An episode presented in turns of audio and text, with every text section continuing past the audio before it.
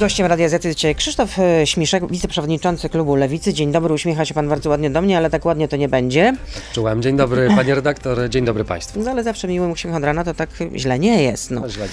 E, Finlandia i Szwecja, jak wiadomo, chcą przystąpić do NATO, ale Turcja mówi twarde nie. I co powiedział e, prezydent Turcji Erdoğan, że dyplomaci tych krajów nie mają po co przyjeżdżać do Turcji. To w takim razie Turcja jest sprzymierzeńcem Rosji? Nic z tego nie będzie? No, Turcja musi się określić, po której stronie mocy stoi. Czy stoi po stronie bezpiecznego sojuszu e, militarnego, sojuszu obronnego, a nie sojuszu e, ofensywnego, czy stoi po stronie Rosji, która tylko cieszy się z tego typu zapowiedzi.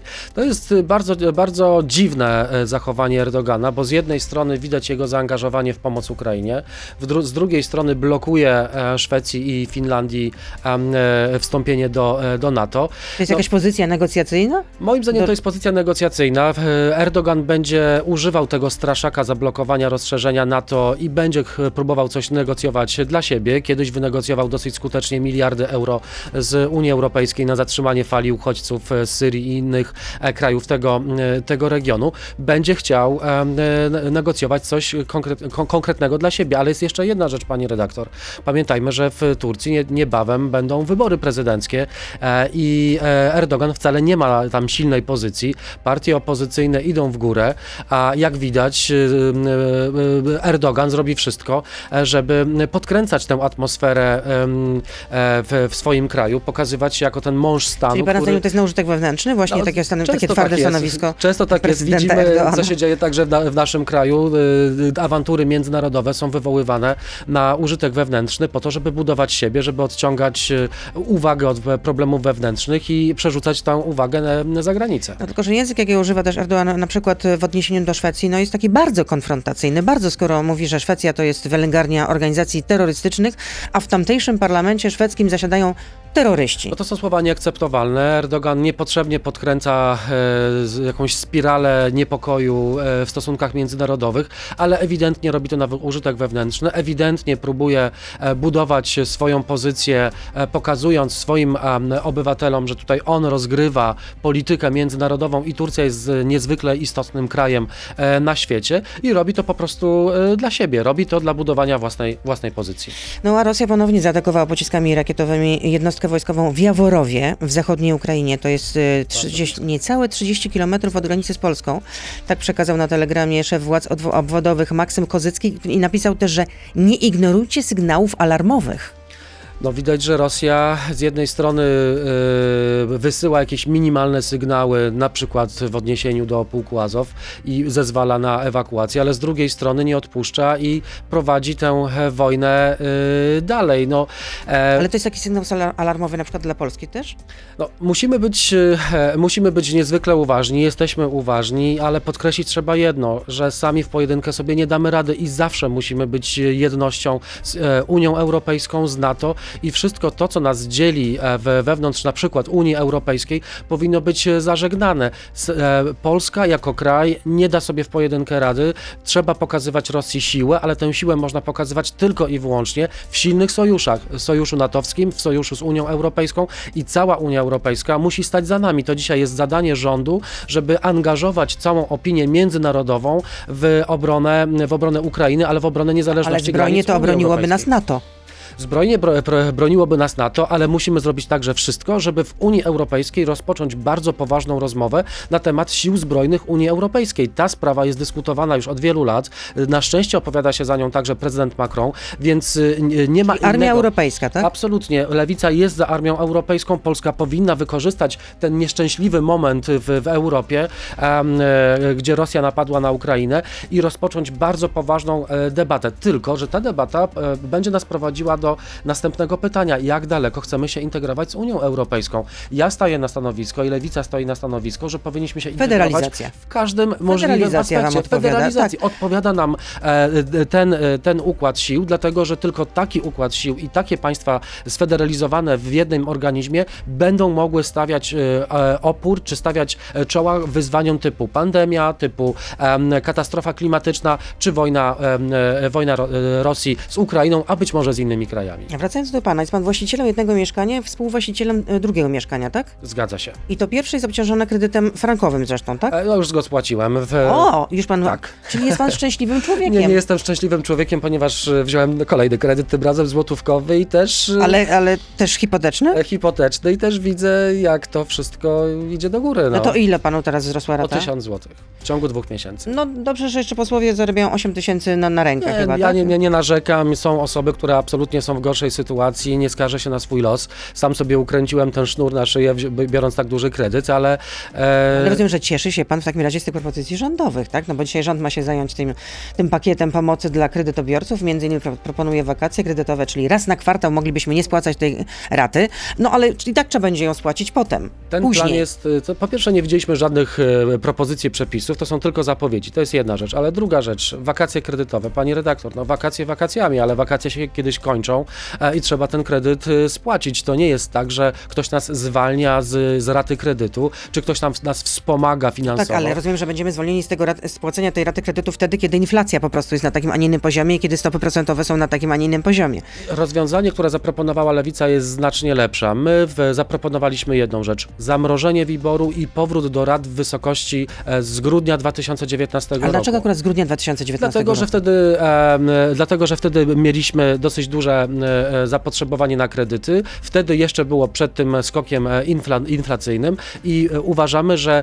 to jest zamrożenie na 12 miesięcy. To nie jest tak, że zamrażamy już do końca życia będziemy płacić raty sprzed e, 3 lat. Proponujemy zamrożenie rat na 12 miesięcy, to po pierwsze. Po drugie, zwiększenie wpłat przez banki na fundusz e, pomocy kredytobiorcom. Dzisiaj banki płacą 1% od, od udzielonych kredytów. My promo- proponujemy, żeby to było 2,5%.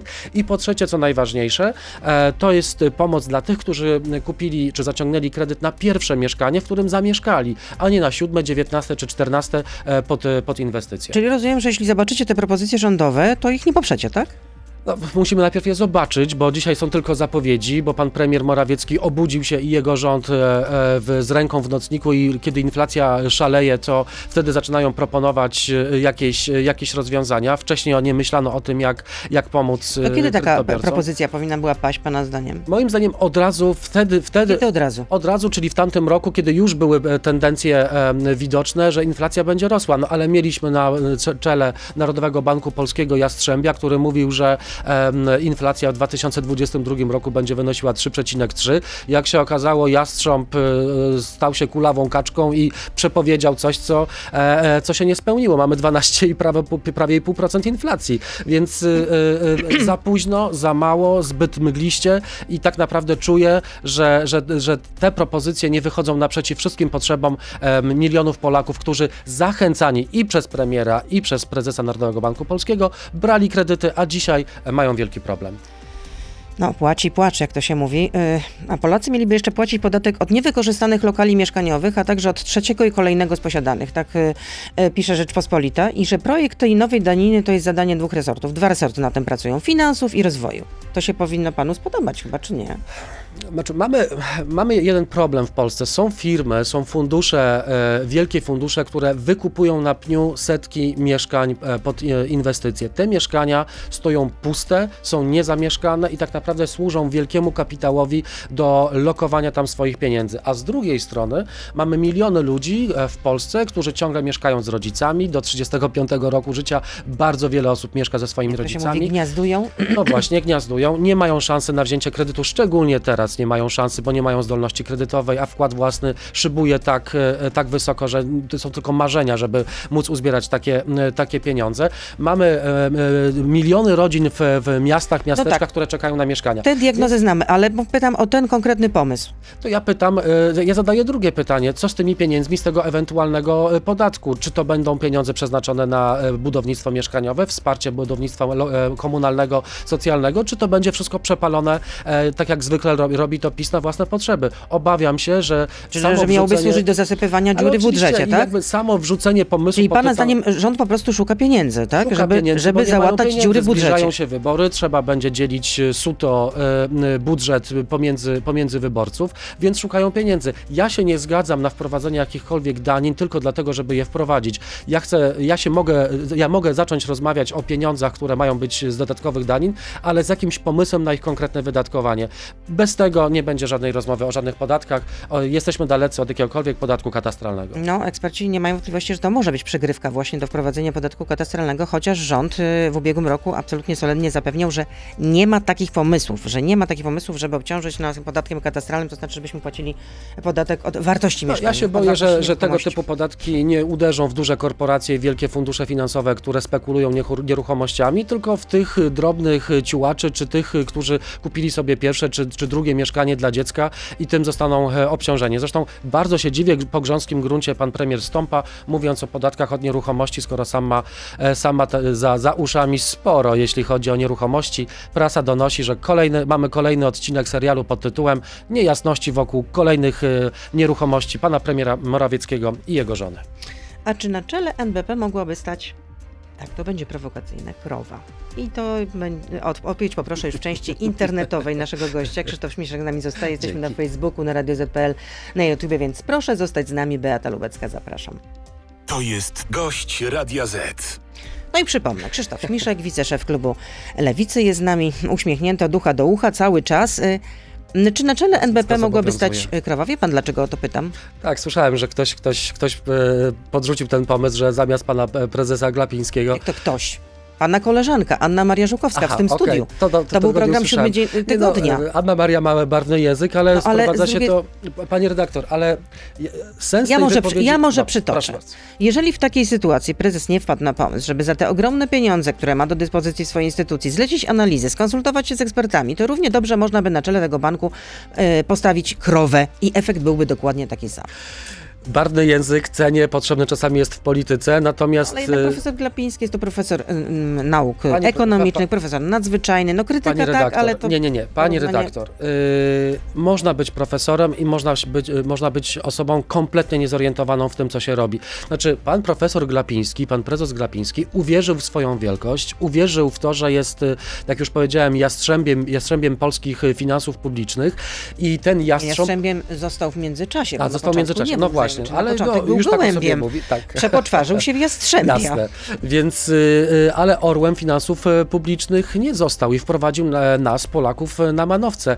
E, Przecież to on był osobą, która mówiła jeszcze niedawno, bierzcie i jedzcie i korzystajcie i z, z kredytów hipotecznych, tak? Ludzie, na kogo mają się orientować? Jeśli wychodzi facet, który jest prezesem Narodowego Banku No tak, tylko Polskiego, że, że ta dyskusja już jest, ja pytałam zupełnie coś innego, czy taka o, wypowiedź była uzasadniona, czy jednak nie jest to przekroczenie pewnych granic w debacie publicznej. Natomiast no, prezes Glapiński został już wybrany prezesem na Został drugą wybrany i kadencję. to jest ten problem. I tego już nie cofniemy. I, i, to, I to PiS zgotował Polakom, to znaczy niekompetencje, nieprofesjonalizm, zadufanie w sobie i tak naprawdę NBP dzisiaj nie ma kapitana, który mógłby ten okręt y, y, poprowadzić dalej, bo jeśli pan prezes Glapiński no, jest, będzie prezesem przez najbliższe lata, to ja, ja oraz y, moim zdaniem nasi rodacy powinni drżeć o stan swoich y, portfeli. E, Co on dzisiaj albo jutro wymyśli na kolejnej e, konferencji prasowej? Powie, że inflację y, zdusi jednym naciśnięciem jakiegoś magicznego przycisku? No tak się nie da. I nie ma pomysłu. I ja się zgadzam z Anną Marią Żukowską w tym sensie, że to jest wielka instytucja, Narodowy Bank Polski. Super eksperci, wybitni specjaliści, zarabiają niesamowite pieniądze i dobrze, bo ja uważam, że ludzie, którzy pracują w takiej instytucji powinni zarabiać bardzo dobrze. Tylko jaki jest efekt ich pracy? No efekt pracy jest taki, że nie ma żadnego pomysłu na zduszenie inflacji. Efekt jest taki, że było mydlenie oczu Polkom i Polakom przez ostatnie miesiące, że wszystko będzie dobrze, a sytuacja wymknęła się Nie, no, spod pomysł kontroli. jest taki, że podwyższa się raty, e, e, pro- stopy procentowe, Ale to jest za późno, wiadomo, że ja, ja nie jestem ekonomistą, ale wszyscy mówią, e, e, ekonomiści, o tym, że No trzeba tak. było podnosić te stopy procentowe rok W temu, ubiegłym a roku nie... też alarmowali byli prezesi NB, Oczywiście, N- a nie w, w, że wtedy, kiedy już wszystko działania. szaleje, kiedy finanse idą na, manowce. Jest pytanie od y, słuchacza Marcel. Czy Lewica w Senacie poprze wniosek o odebranie immunitetu marszałkowi Grodzkiemu? To chyba nie do pana pytanie, bo tam jest dwoje senatorów z PPS. Już nie mamy senatorów. To e, właśnie, renegaci z, z Lewicy. uciekli. PPS, czyli do pana pytanie. Ale w takim razie, czy ten wniosek w ogóle powinien być e, poddany pod głosowanie, bo dzisiaj komisja regulaminowa ma się tym zająć. Senacka W, regulaminowa. w, normalnych, w normalnych okolicznościach y, politycznych, demokratycznych takie wnioski mogą być dyskutowane i powinny być dyskutowane, jeśli są problemy czy, czy znaki zapytania nad przeszłością jakiegokolwiek senatora. Te sprawy powinny być y, dyskutowane i, e, e, i decyzje podejmowane. Nie mamy normalnej sytuacji politycznej. Jestem przekonany, że e, ta sytuacja z panem e, marszał, marszałkiem Grodzkim to jest humbug i to jest prowokacja, bo widzimy, Wniosek y, leży ponad 400 dni w No Senacie. słusznie, że leży. Ja się z tym zgadzam, dlatego że procedowanie wszystkiego, co wpływa z, z, spod, spod ręki służb i prokuratury ziobrowskiej, e, nie powinno być rozpatrywane. Powinno być zawsze rozpatrywane w kontekście politycznym. A kontekst polityczny jest taki, że jest nagonka na, e, na op, polityków opozycyjnych i naprawdę, moim zdaniem, to jest Ale gdzie pan widzi tę nagonkę na polityków Nie opozycyjnych? no, pani redaktor, miejscu, ale proszę powiedzieć. no, pani redaktor, mamy od siedmiu lat Ziobrę na stanowisku prokuratora generalnego ministra sprawiedliwości. E, widzimy, jak działa prokuratora, prokuratura, widzimy, jak zbiera haki na, e, na- na polityków opozycji, a także na ludzi, którzy demonstrują na ulicy. Widzimy, jak, z jaką determinacją e, prokuratorzy ścigają młodego człowieka z Poznania, którego broniłem tydzień temu, który stał i przyglądał się strajkowi kobiet w Poznaniu dwa lata temu i jest od dwóch lat ciągany przez ziobrowską prokuraturę. Nawet ta ziobrowska prokuratura złożyła skargę nadzwyczajną do Sądu Najwyższego przeciwko 19-latkowi, który, em, któremu, które, którego sądy wszystkie, wszystkich instancji uniewinniły. Więc mamy pełną parą e, pracującą prokuraturę e, na rzecz przeciwko tym, którzy, e, którzy nie są po, po myśli władzy, a, przeciw, a, a ci, którzy są z obozu Prawa i Sprawiedliwości, nie słyszałem jeszcze o ani jednym akcie oskarżenia Dlatego, że pana, pana kolega partyjny, czyli Krzysztof Gawko- Gawkowski, szef klubu, ostatnio podzielił się taką opinią, że jednak w obliczu tego, co się wydarzyło ostatnio, że CBA zatrzymało y, lekarza, y, to jest... Y, Żebym ja się tutaj nie pomyliła, nie chciałabym. To jest y, lekarz, który przez wiele lat y, pracował w tym samym szpitalu, w którym pracował profesor Grocki i w tym czasie, kiedy dyrektorem właśnie był profesor Grocki, jest bardzo dobry, jest oceniany dobrze specjalistą, ale usłyszał zarzuty korupcyjne dotyczące 166 przestępstw. Wow. E, no, okej, e, bardzo zła sprawa, natomiast... e, No i co powiedział Krzysztof Gawkowski, pana kolega, szef klubu? Zatrzymanie przez CBA najbliższego współpracownika Tomasza Grodzkiego, Krzysztofa z czasów ich wspólnej pracy w szpitalu w Szczecinie świadczy o tym, że potrzeba zrzeczenia immunitetu przez marszałka Senatu i wyjaśnienia ciążących na, nich zarzu- na nim zarzutów jest coraz bardziej paląca.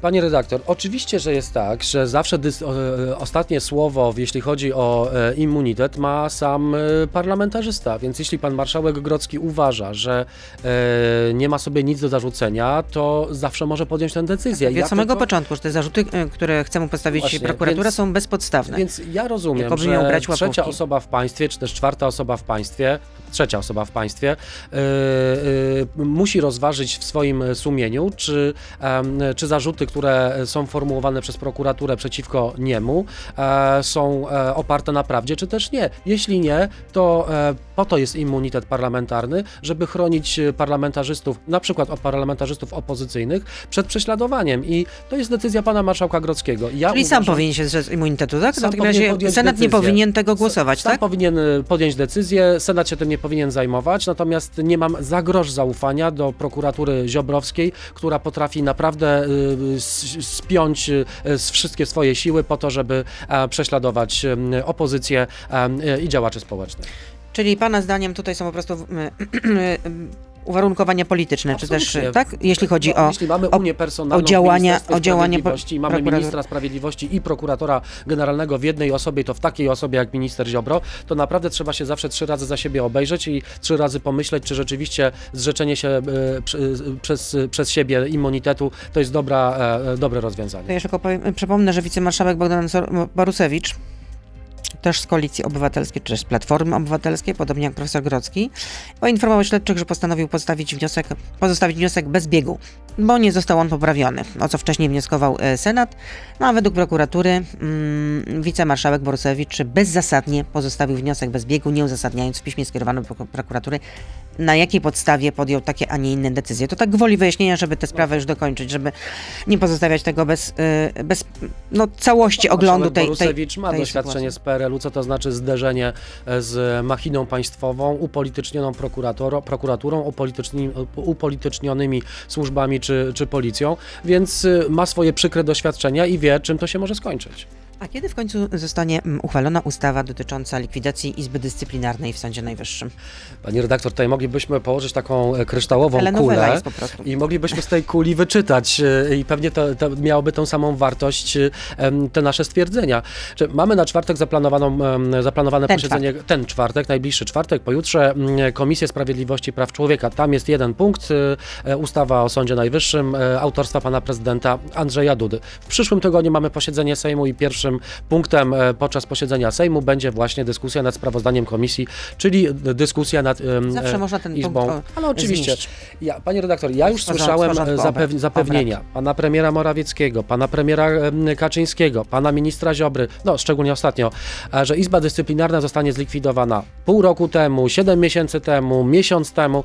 Jak mieliśmy plażę na Komisji Sprawiedliwości, tak mamy tę plażę i klub dyskusyjny. Tak naprawdę nic, nic w tej komisji się nie dzieje, tylko widzieliśmy napięcie pomiędzy panem e, Kaletą a przedstawicielką a, e, e, kancelarii prezydenta, ale chyba mam takie, mam takie przeczucie, że Państwo w niezjednoczonej, porysowanej, popękanej prawicy chyba się dogadali, bo e, pierwszym takim testem chyba tego dealu były, e, były ostatnie głosowania. E, Ziobro sprawie zaproponował... nowych członków KRS? A no właśnie, nielegalna nowa KRS 2.0 została obsadzona przez kolejnych akolitów Zbigniewa Ziobry, a Ziobro poparł pana prezesa Glapińskiego na, na stanowisko szefa NBP, więc e, być może ten... Tutaj wszyscy się zarzekali, że finał- tu nie było żadnego politycznego handlu, że absolutnie nie, no, Może- że, a, a bo- profesor Glapiński najlepszy kandydat. No, Może jestem Tutaj- świeżakiem ciągle jeszcze w polityce 2,5 roku, ale naprawdę już nie z nami takie numery. E, Deal był, bo pa, pa, panowie, bo głównie panowie z Solidarnej Polski mocno przyciskali pana e, Kaczyńskiego do ściany i przykładali mu ten symboliczny rewolwer do głowy i wymuszali na nim różne ustępstwa. Są na Więc, siebie skazani. Są na siebie skazani, jak w patologicznym związku, niestety. Natomiast y, y, y, Izba Dyscyplinarna musi zniknąć. Izba Dyscyplinarna to jest, dzisiaj rozpoczęliśmy ładnie dzień słonecznie, ale też ze świadomością, że kolejny milion euro kary zapłaciliśmy e, Komisji Europejskiej, czyli to już prawie 200 milionów euro, miliard złotych z kieszeni Polaków poleciało za to, że Ziobro e, mocno ściska swoje ulubione dziecko i nie chce go wypuścić pod nazwą Izba Dyscyplinarna e, i walczy o te 11 osób, które w tej Izbie Dyscyplinarnej em, zasiadają. Natomiast Izba Dyscyplinarna jest warunkiem niezbędnym do tego, żeby e, w ogóle Komisja Europejska Czyli mogła... likwidacja. E, oczywiście, likwidacja, aby Komisja Europejska mogła uruchomić, e, uruchomić środki z KPO, ale jedno zdanie o ustawie prezydenckiej. E, wszystkie poprawki PSL-u, wszystkie poprawki Lewicy, wszystkie poprawki e, Koalicji Obywatelskiej odrzucone. zostały odrzucone. Zanosi się, że w czwartek odrzucą ostatnie nasze poprawki. Nie ma już e, możliwości poparcia przez, przynajmniej przez mój klub Lewicę ustawy autorstwa pana prezydenta, dlatego że ta ustawa jest niezwykle niebezpieczna. Ta A, czyli ustawa... pan poniekąd przy- przyznaje na rację ziobrystom. No bo Ale nie, nie, nie. takie, padały takie, Ziobryści mają zupełnie inne... padają takie e, sformułowania, że my tu chcemy ochronić pana prezydenta przed jego E, własną nie, ziobryści, ustawą. ziobryści instrumentalnie traktowali i traktują Izbę Dyscyplinarną do wymuszenia e, różnych haraczy ze strony e, Prawa i Sprawiedliwości. Natomiast my, jako demo, demokratyczna opozycja, mówimy bardzo jednoznacznie, jeśli ta ustawa w kształcie niezmienionym e, wejdzie w życie, to to jest niezwykle niebezpieczna sytuacja dla milionów obywateli. To jest tak jakby, jakbyśmy mieli na tym stole, nie wiem, cztery koszyczki z jabłkami, w jednym zaczęły gnić jabłka, no to żeby uniknąć dalszego gnicia innych jabłek, musimy wyrzucić do kosza te gnijące. A pan prezydent y, proponuje coś takiego. Jak nam gniją w jednym koszyczku jabłka, to przełożymy je do innych koszyczków, wtedy będzie bezpiecznie, ale nie będzie, niebezpie- nie będzie bezpiecznie, bo w kolejnych koszyczkach zaczną także gnić inne jabłka. I to samo pan chce, prezydent chce zrobić z e, Izbą Dyscyplinarną. Przenieść nielegalnych sędziów nie w stan spoczynku, tylko do Izby Cywilnej, karnej pracy. nie są nielegalni. No, pan prezydent będzie bronił jak niepodległości swojego, swojego imperium pod tytułem ja mam ostatnie słowo w e, mianowaniu sędziów.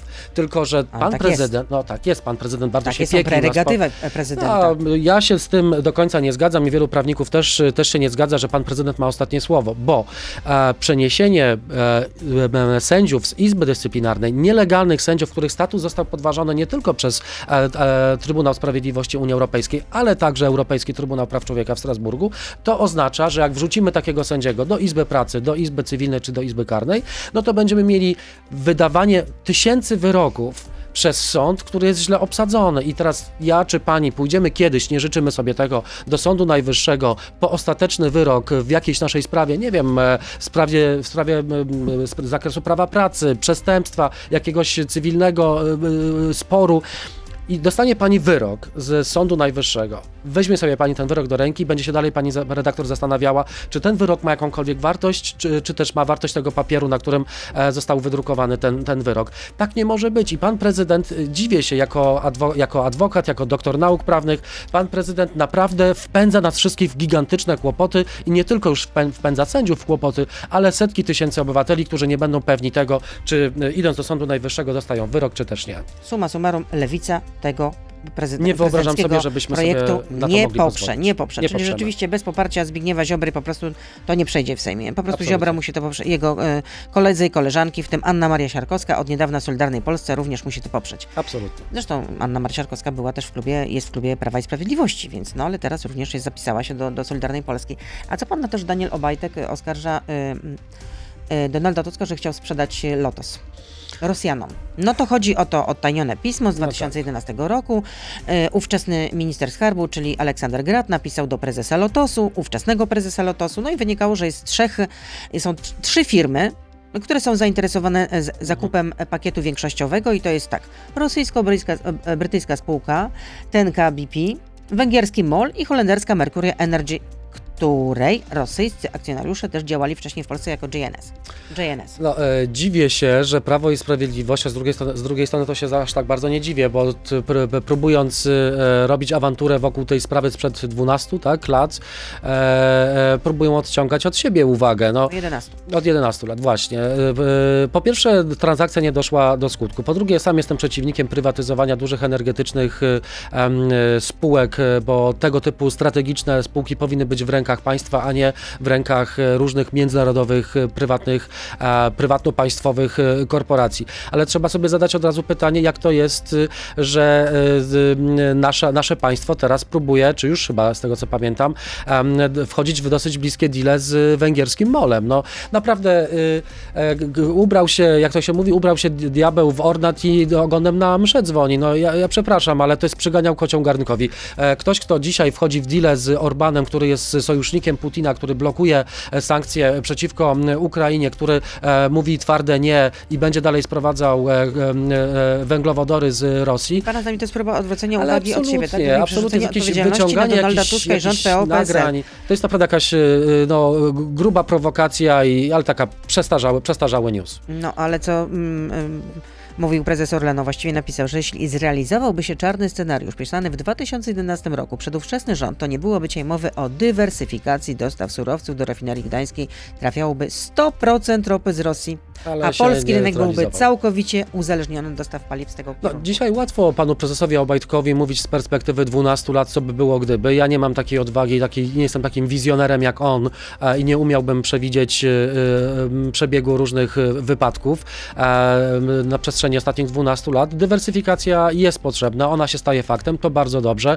Powinniśmy jeszcze więcej e, e, wysiłków wkładać, żeby e, dywersyfikować źródła energii, ale ja, ja mam taką propozycję dla, dla Prawa i Sprawiedliwości. Znowu powinni, a, a polski rząd powinien być adwokatem, szczególnie w tej trudnej sytuacji, adwokatem Unii Energetycznej. Unii energe- energetycznej na terenie całej Unii Europejskiej. Dzisiaj w pojedynkę sobie znowu powtarzam to, co mówiłem, nie poradzimy. Trzeba decyzji rządu, rządów 27 państw o e, odważnej decyzji o tym, że e, o, uniezależnienie się od Rosji jest e, konieczne. To się już powoli dzieje. Unia Europejska także będzie odchodziła w ciągu najbliższych miesięcy. 4 czerwca na zaproszenie lewicy Franz Timmermans ogłosi duży plan od odchodzenia od węglowodorów we Wrocławiu na nasze zaproszenie, na, naj, na naszej wielkiej konwencji lewicowej europejskiej. Więc takie rzeczy trzeba... Tutaj była autopromocja. To była autopromocja, bo organizuję tę konwencję.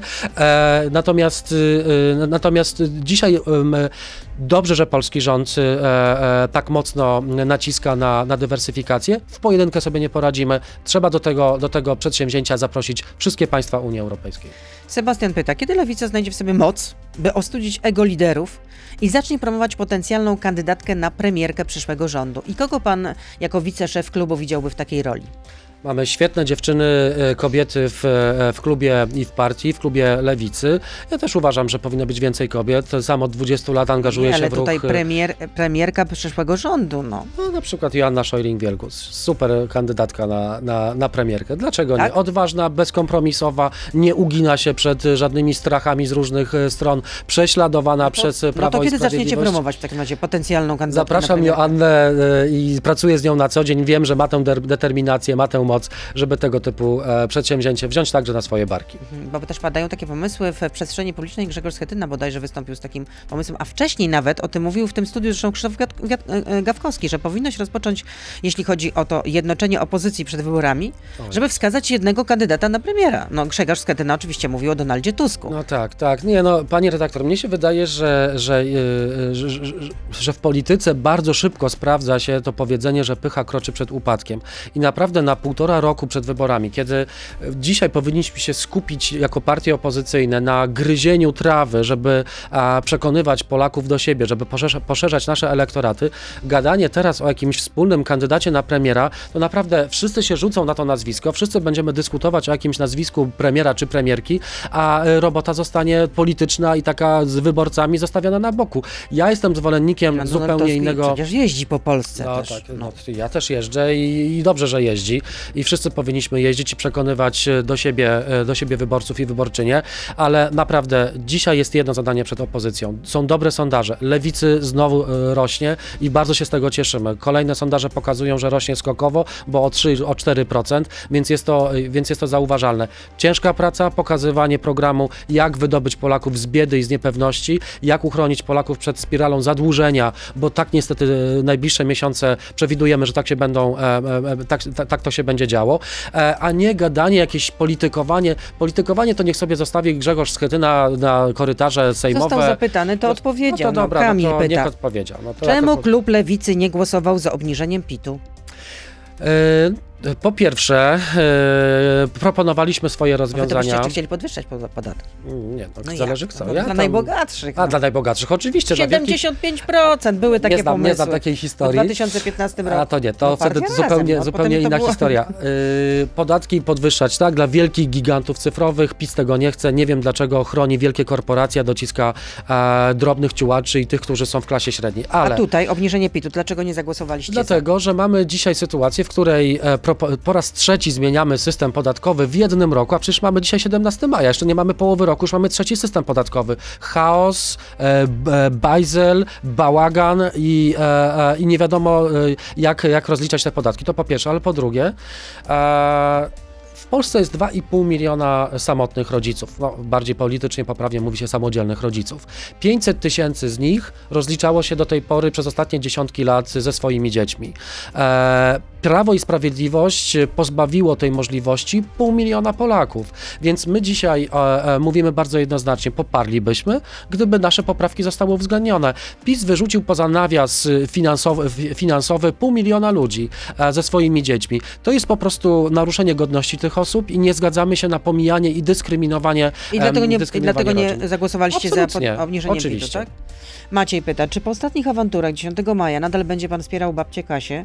Czy kobieta, która wyzywa policjantów od pedałów, to twarz polskiej opozycji? Nie, to nie jest twarz polskiej opozycji. Ja spotykam e, te babcie Kasię na różnych demonstracjach, bo od wielu lat demonstrujemy e, w, podobnych miejscach. Jestem Ja, ja zwolennikiem... bym chciała ode, ode, ode, odejść od tego babcia Kasia. No to jest y, pani Katarzyna, więc może w ten sposób A, powiedzmy. Dobrze, tak? pani Katarzyna. Mhm. E, Demonstrujemy w tych samych e, sprawach, jesteśmy po jednej stronie mocy, natomiast mamy zupełnie inne metody e, wyrażania swojego niezadowolenia ze stanu rzeczy. Nigdy e, e, obrażanie, upa, upokarzanie, używanie języka pogardy nie powinno być e, narzędziem do walki o swoje, e, e, o swoje prawa. Jestem zwolennikiem ostrej debaty publicznej, ostrej debaty, wy, ostrej wymiany zdań, bo taka jest demokracja i wolność słowa nam na to pozwala, ale propos naruszenie prawa a, pro, a propos krowy, to, jest, to się mieści w tym, w tym, w tym szerokim spojrzeniu na wolność słowa. Natomiast używanie słów wulgarnych, upokarzających, pogardliwych nie powinno po prostu mieć miejsca. Gdyby była jedna lista opozycji, to jaki byłby wasz wspólny program gospodarczy? Proszę podać trzy najważniejsze punkty. Po pierwsze, nie ma, e, nie ma wspólnej listy. Lewica jest, e, dla- dlatego nazywa się lewicą, ponieważ wyznajemy socjaldemokratyczne wartości. Nie wystartujecie z koalicją obywatelską Panie redaktor, listy, to tak? naprawdę nie ma ta- ta- takiej możliwości. Ja nie wiem, po prostu to jest jakaś obsesja, jakiś fetysz gadania o tej jednej liście. No po prostu gadamy o tej jednej liście No, od to, to dwóch czy trzech lat. No najbardziej właśnie. promuje. Chociaż na przykład w tym studiu była e, pani poseł Leszczyna i mówiła, że ona, ona, ona siebie nie wyobraża na jednej No liście, właśnie. na przykład z Adrianem Zandbergiem. No właśnie, więc jeśli już na półtora roku przed, przed, przed wyborami e, prominentna przedstawicielka Koalicji Obywatelskiej, podobno namaszczona na... Tatka na premiera, na no premierkę. właśnie, no nie ma, nie ma to jak po prostu wrzucić swoje nazwisko, żeby, żeby chodziło w mediach przez parę Nie, tygodni. to- to- Dobry to moment. Podobno jednak jest pomysł Donalda Tuska. A no tak, okej, ale nie, nie słyszałem, żeby on to powiedział, ale okej. Jasne. Tego publicznie nie powiedział E, rzeczywiście, Jasne. A no, ja, ale tak pani w redaktor, kuluarach. tutaj w tym studiu po raz pierwszy u pani mówi, e, mówię, e, że będę ministrem sprawiedliwości, będę chciał rozliczyć Zbigniewa Ziobrę z jego wszystkich bezeceństw i wszystkich jego, wszystkich jego zachowań, które łamały prawo. Też wrzuciłem i będzie chodziło. No. Ale W trzy najważniejsze razie- punkty wspólnego Nie, programu nie, ma, gospodarczego. nie ma takiej możliwości, żebyśmy dzisiaj rozmawiali o, o wspólnej liście i wspólnych propozycjach gospodarczych. Lewica ma swoje propozycje gospodarcze. Mówimy o tym od dawna. Chcemy progresywnego systemu podatkowego. Chcemy, żeby biedni zarabiali, płacili mniejsze podatki. Klasa średnia musi zostać e, doceniona i też nie może być dociskana przez państwo, wręcz przeciwnie, Będą promowana. mniej, No, z Natomiast- 17 do 12 a dobrze, a przy okazji bardzo wielu ludzi z tej klasy średniej e, to, e, to samotni rodzice, którzy dostaną po głowie finansowo. Z jednej, do jednej kieszeni PiS im wrzuci, a z drugiej kieszeni PiS im podwójnie wyciągnie poprzez szalejącą inflację, dodatkowe podatki od, wymyślone będą pewnie jeszcze, e, jeszcze nie, nie, nie jedne podatki do końca e, kadencji, e, a giganci powinni płacić znacznie, znacznie więcej. To jest, to jest jakby kręgosłup gospodarczy e, lewicy. To znaczy sprawiedliwość społeczna jest najważniejsza i nie jakaś komunistyczna, nie wiadomo jaka 75% nie było takich pomysłów i nie będzie, nigdy się na to e, lewica nawet nie będzie oglądała. Natomiast, e, natomiast sprawiedliwość społeczna polega na tym, że ci, którzy mają bardzo, bardzo dużo, powinni dokładać się do tego wspólnego budżetu trochę więcej. Burmistrz Nowego Jorku powiedział, że jest z aborcją w dziewiątym miesiącu ciąży. Czy poparł pan taki projekt ustawy, gdyby oczywiście w Polsce się pojawił? Nie jestem lekarzem, wiem, że e, e, tego typu sytuacje czasami się zdarzają, kiedy jest e, taka potrzeba medyczna. Natomiast ja opowiadam się tak jak cała lewica za wolnym wyborem dla kobiety do 12 tygodnia ciąży, bez żadnych badań psychologicznych, bez żadnego torturowania przez księży jakimiś konsultacjami czy, czy, czy, czy konsultacjami z psychologami. Kobieta powinna mieć wybór do 12 tygodnia, to jest jej decyzja, jej ciało i lewica nigdy nie zejdzie z tego, z tego postulatu i to będzie na pewno coś, o co będziemy zawsze walczyli. Złożyliśmy taki e, projekt ustawy już dawno temu e, i to jest y, y, jeden z podstawowych elementów e, programu lewicowego. Po 12 tygodniu, po konsultacjach z lekarzem, jeśli są wskazania medyczne, oczywiście też jak najbardziej. Dzisiaj żyjemy w państwie, które zagląda nam wszystkim za firanki, pod kołdrę, chce re- regulować nasze życie seksualne, nasze pożycie rodzinne. Dzisiaj mam znaczek ze sobą tęczowy, dzisiaj jest 17 maja, Międzynarodowy Dzień Przeciwko Homofobii i dzisiaj powinniśmy mówić o, o jednym. E, potrzeba jest jak najwięcej tolerancji i jak najwięcej wolności od zaglądania nam do prywatnego życia. A w państwie PiS mamy taką sytuację, gdzie homofobia, niedyskryminacja pogarda, e, także dla kobiet, jest elementem oficjalnej agendy rządowej i na tym Prawo i Sprawiedliwość, na tych podziałach, ale też na tych nieszczęściach próbuje budować swoją pozycję polityczną. No tak, Polska po raz kolejny wypadła najgorzej, można no powiedzieć, ze właśnie. wszystkich krajów Unii Europejskiej, jeśli chodzi o równouprawnienie osób LGBT+. No i No i chodzi o prawodawstwo i praktykę stosowania tego tak, prawa. i z PiSem tego nie zmienimy, a także z Platformą Obywatelską, która od 20 lat zachowuje się kunktatorsko i nie potrafi wydobyć z siebie jakiegokolwiek progresywnego głosu, a No, jeszcze związki partnerskie można było wprowadzić. można było e, wprowadzić i się nie wprowadziło, bo się Donald Tusk przestraszył e, e, Jakoś biskupów. podwyższenie wieku emerytalnego można było przeforsować. A tutaj, a, a tego o, nie można o, było. o, No i właśnie jeszcze i kiedy to? Ty, tydzień temu chyba, czy dwa tygodnie temu Donald Tusk powiedział, że nie jest tęczowym rewolucjonistą, więc naprawdę m, po człowieku, który no, spędził związki lata... partnerskie to rewolucja, no, nie, No, dla niektórych chyba ciągle to jest jeszcze rewolucja i ciągle chyba jeszcze żyją w późnych latach 90. no i Bronisław pyta, jak pan poznał Roberta Biedronia? A, jest, dobra. Yy, Na koniec pewnie taki, taki osobisty akcent. Roberta poznałem w kampanii przeciw homofobii. Jako młody student zgłosiłem się do e, kampanii przeciw homofobii, Ile nowo powstającej. No, 20.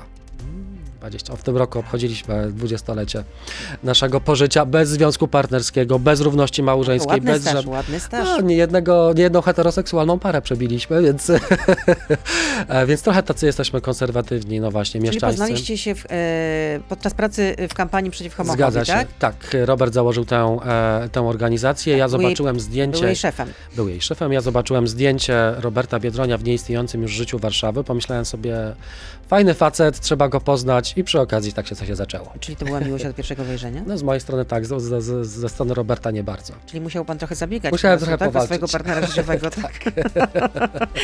I, I A. długo zajęła panu ta walka, A, O serce parę miesięcy, parę, Roberta parę, miesięcy, parę miesięcy. ale, Ale jednak z sukcesem. się. No 20 lat to naprawdę pogratulować, No, pogratulować. I dzięki. dlatego byliście na Życzymy- Krecie, tak? No właśnie, i no. życzymy wszystkim takiego stażu i dobrego pożycia. Tak jest. Krzysztof Śmiszek, wiceprzewodniczący Klubu Lewicy był z nami. Dziękuję bardzo. Dobrego Dziękuję. dnia życzę. Dziękuję bardzo, pozdrawiam. To był gość Radia Z. Słuchaj codziennie w Radio Z i na player radioz.pl.